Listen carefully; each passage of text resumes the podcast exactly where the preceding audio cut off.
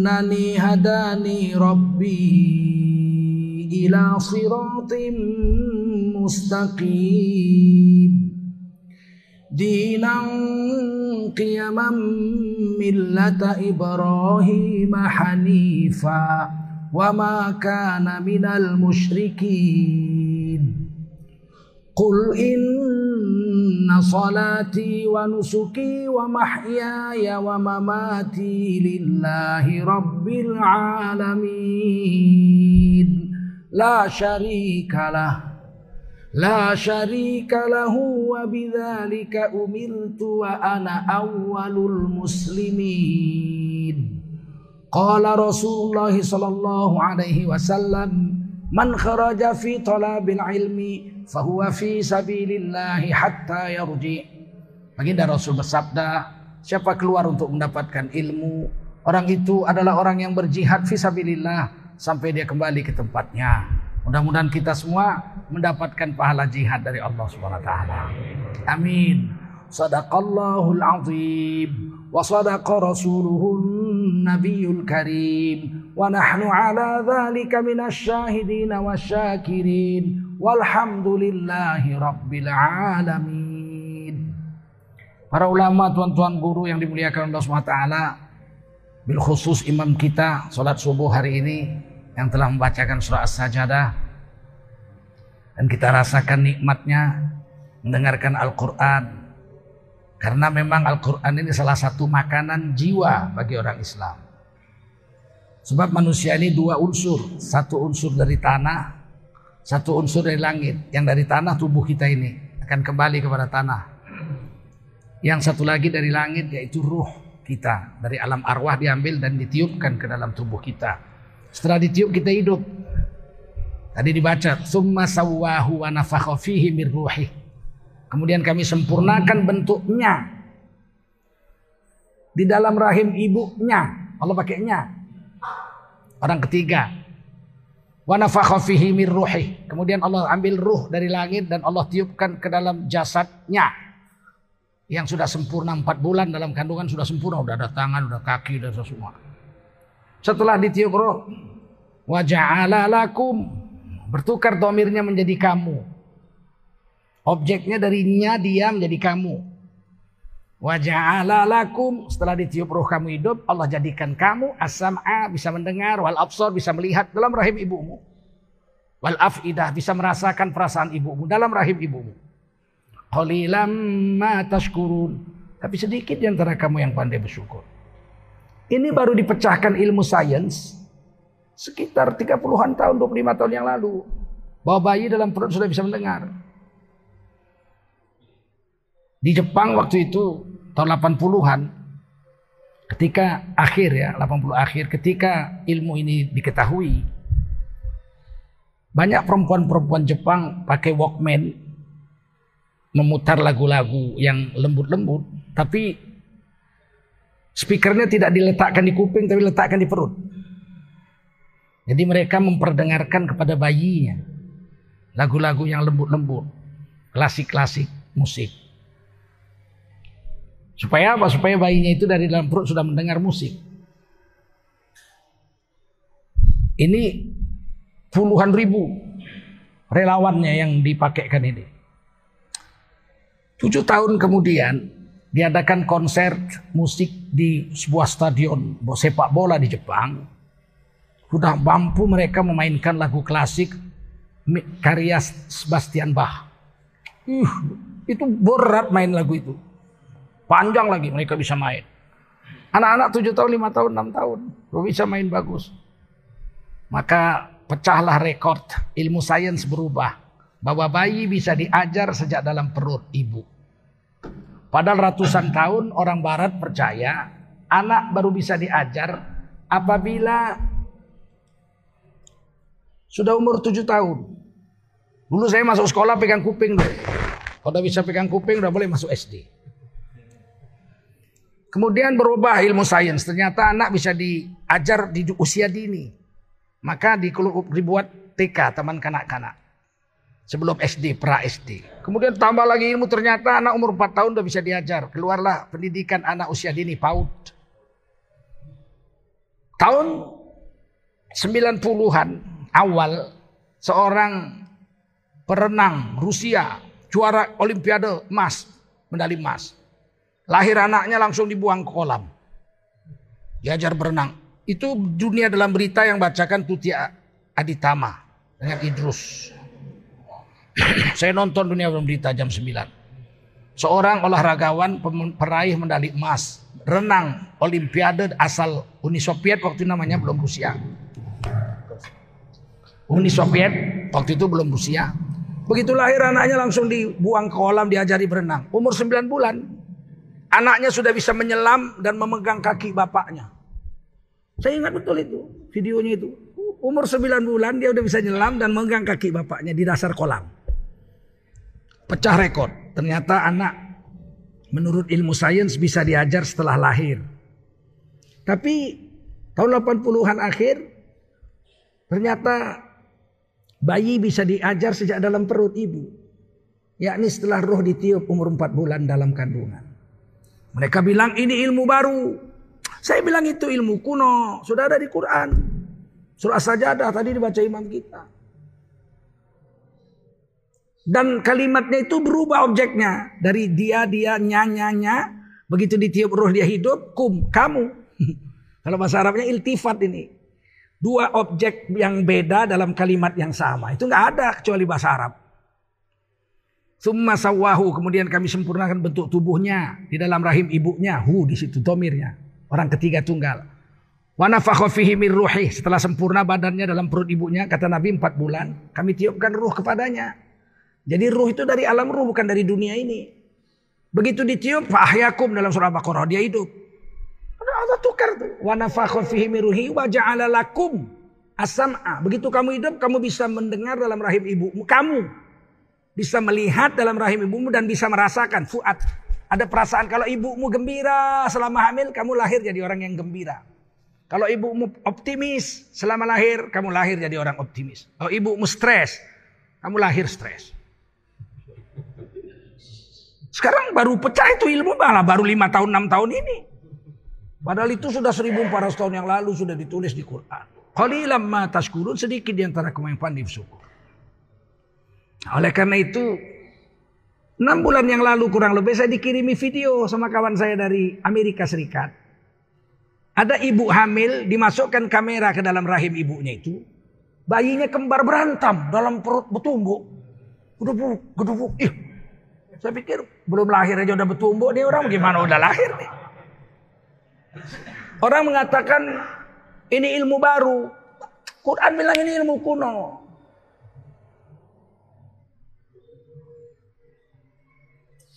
Al-Islamu ya'lu wa la yu'nadai. Dalam hadis Darul Qutni Rasulullah bersabda Islam itu tinggi nggak ada lebih tinggi dari Islam. Siapa mau mencari kehebatan dunia pakai selain Islam dia akan dihina oleh Allah SWT. Maka siapa mencari Islam dalam hidupnya, taat dan patuh, yakin dengan Allah dan Rasulnya, mulia di dunia, mulia di kubur, mulia di padang mahsyar, mulia di dalam surga Allah Subhanahu wa taala. Tidak ada kemuliaan di luar Islam.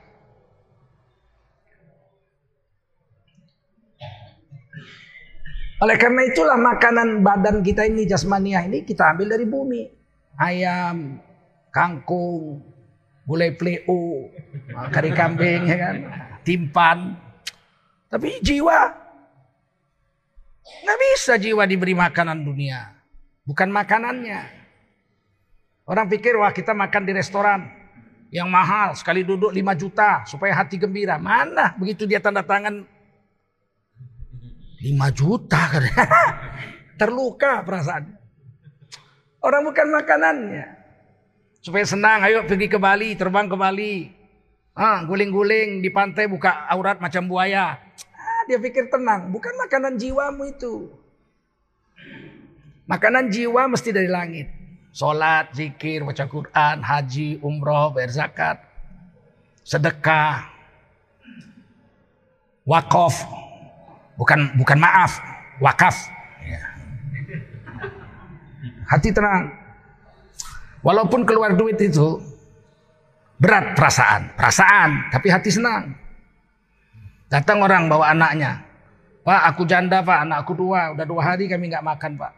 Kalau hari ini nggak makan, hari ketiga besok Pak. Bisa mati anak saya Pak. Tengoklah anak saya udah berkeringat dingin. Pegangnya, keringet dingin ini anak. Berpikir dia, duit di kantong cuma 50 ribu. Kalau aku kasih sama dia, duitku pun tak ada lagi. Tapi aku tadi pagi sudah makan. Dia udah dua hari nggak makan. Akhirnya diambilnya dompetnya dikeluarkannya 50 ribu. Gemetar dia ngasihnya. Orang tinggal itu duitnya. Tapi dia bilang, ya Allah, kuberikan ini karena aku sudah makan sementara dia sudah dua hari nggak makan. Kasihnya. Lari-larilah perempuan itu ke restoran. Beli makanan, dibungkus. Disuapkannya anaknya makan. Kita kehilangan duit. Merasa rugi perasaan kita. Tapi melihat dia makan lahap dengan anaknya. Terus anaknya ketawa-ketawa. Berubah hati kita jadi gembira. Ya Allah, hari ini aku bisa menyenangkan dua anak yatim dengan satu orang janda miskin.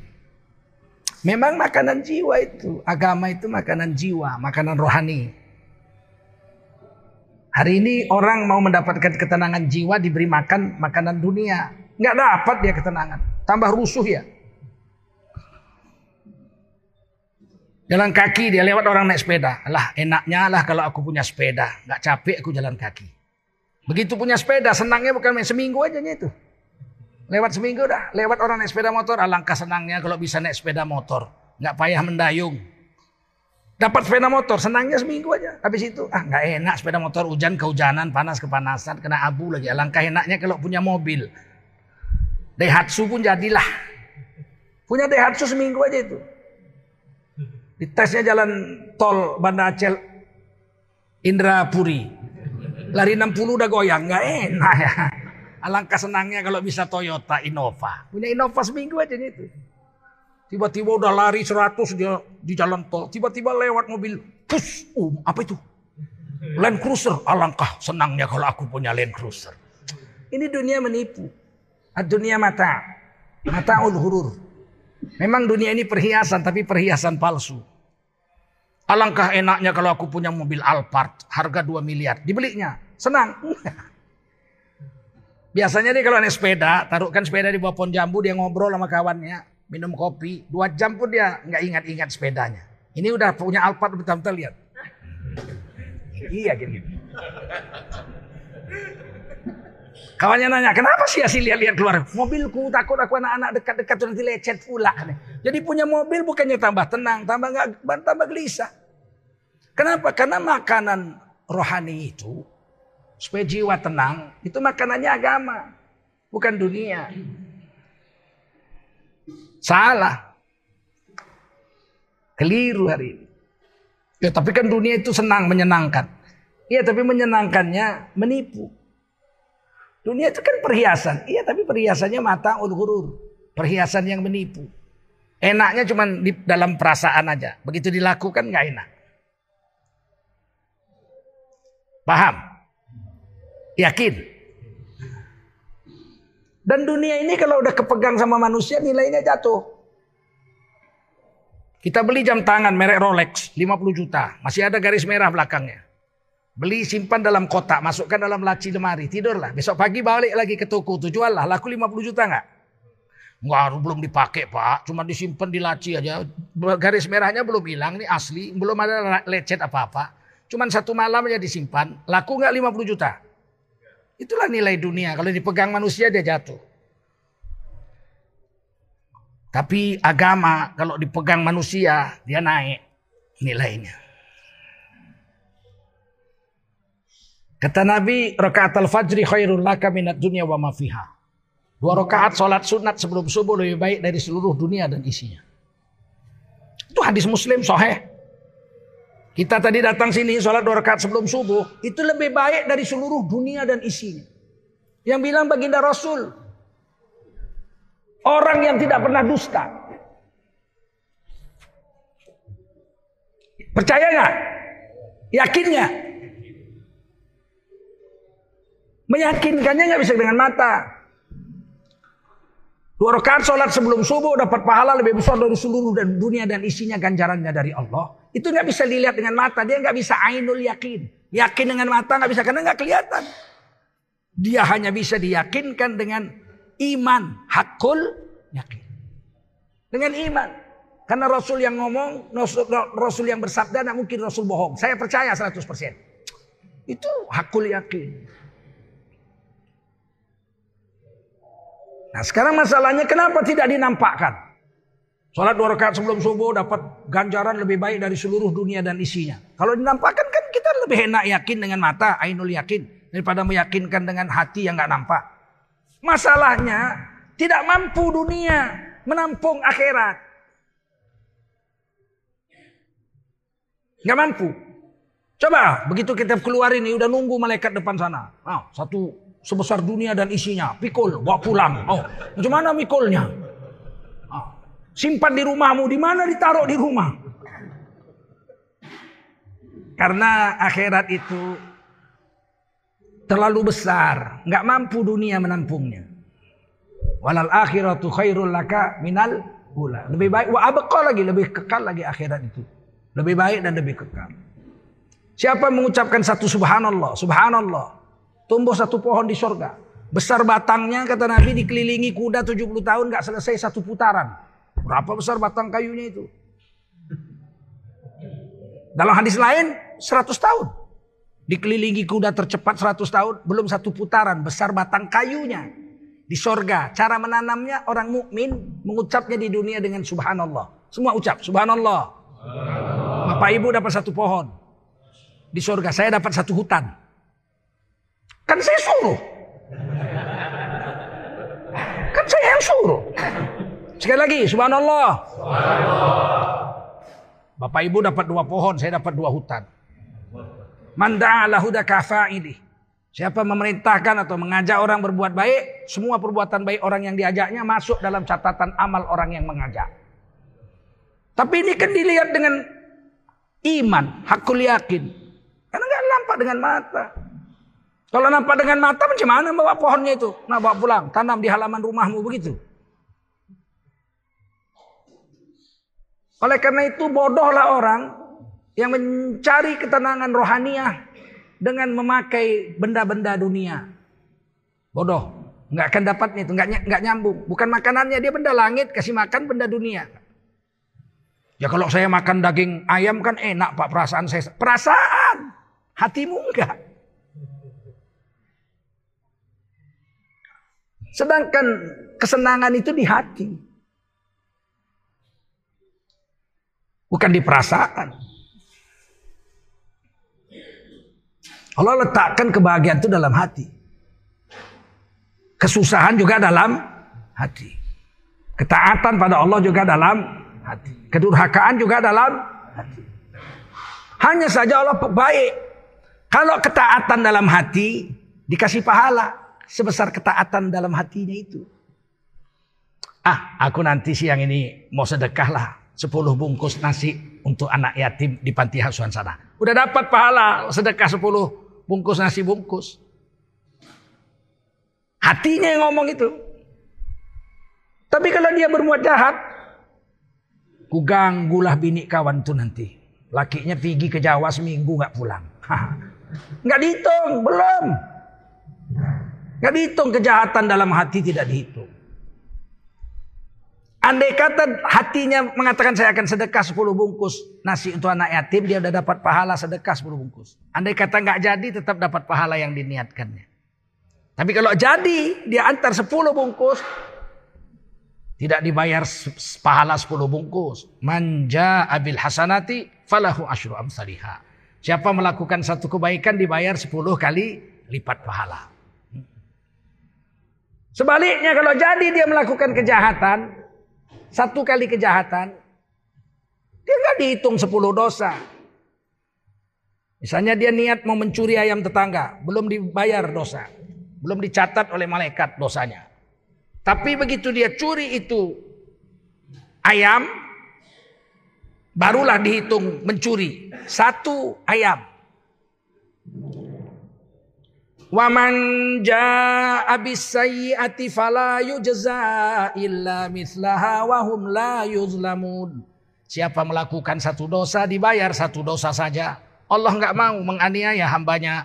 Tapi kalau berbuat satu baik dibayar sepuluh, sepuluh. Baiknya Allah. Wa kana bil mu'minina rahima. Adalah Allah sangat kasih sayang kepada orang beriman. Berbuat baik satu dibayar sepuluh. Berbuat jahat satu dibayar satu. Niat berbuat baik satu dibayar satu pahala. Niat berbuat jahat tidak dihitung. Di hari kiamat ditimbang amal. Fa'amma man fakulat mawazinuhu fahuwa fi. Siapa yang ditimbang amal lebih banyak pahala baiknya daripada jahatnya. Setelah ditimbang orang beriman itu masuk surga setelah ditimbang. Wa amma man khaffat mawazinuhu fa hawiyah. Wa ma adraka narun hamiyah. Tapi orang beriman kalau di akhirat ditimbang amal lebih banyak jahatnya daripada baiknya. Walaupun beriman dia mesti masuk neraka api yang bernyala-nyala sampai utangnya lunas, dosanya lunas. Baru setelah dosanya berkurang, berkurang, berkurang, berkurang sampai dosanya lebih sedikit, pahalanya lebih banyak. Barulah dia dikeluarkan dari neraka dan dimasukkan ke dalam surga. Adilnya Allah Subhanahu wa taala.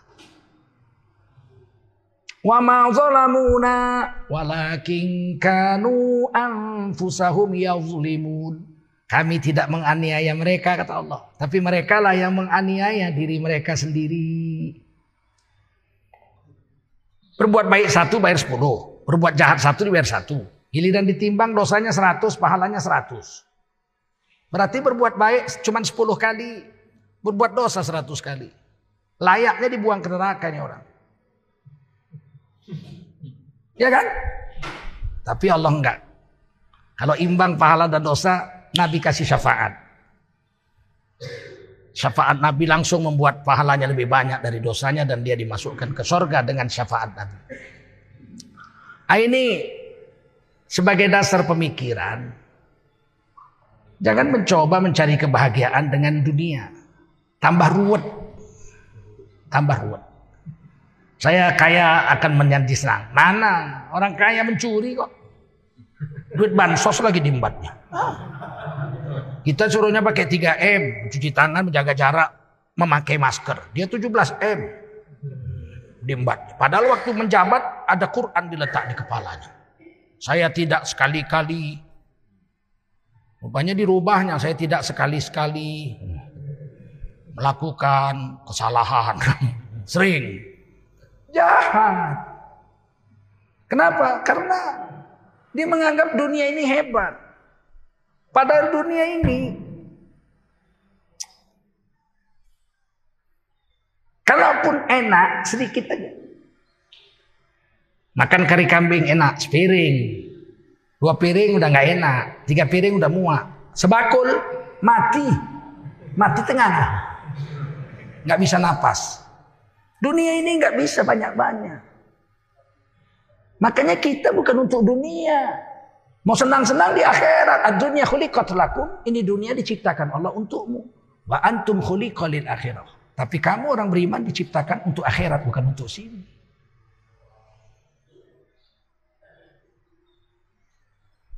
Makanya Nabi makan sedikit. Minum sedikit. Tidur sedikit. Kita sedikit-sedikit makan, sedikit-sedikit minum, sedikit-sedikit tidur. Jadi kita sama Nabi beda sedikit.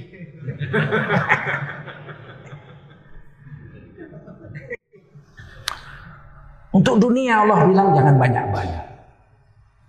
Kulu washrobu wa la tusrifu. Innallaha la yuhibbul musrifin. Makanlah kamu, boleh makan. Minumlah kamu, boleh minum. Tapi jangan banyak-banyak. Allah nggak suka orang yang berlebih-lebihan. Banyak tuh dua macam.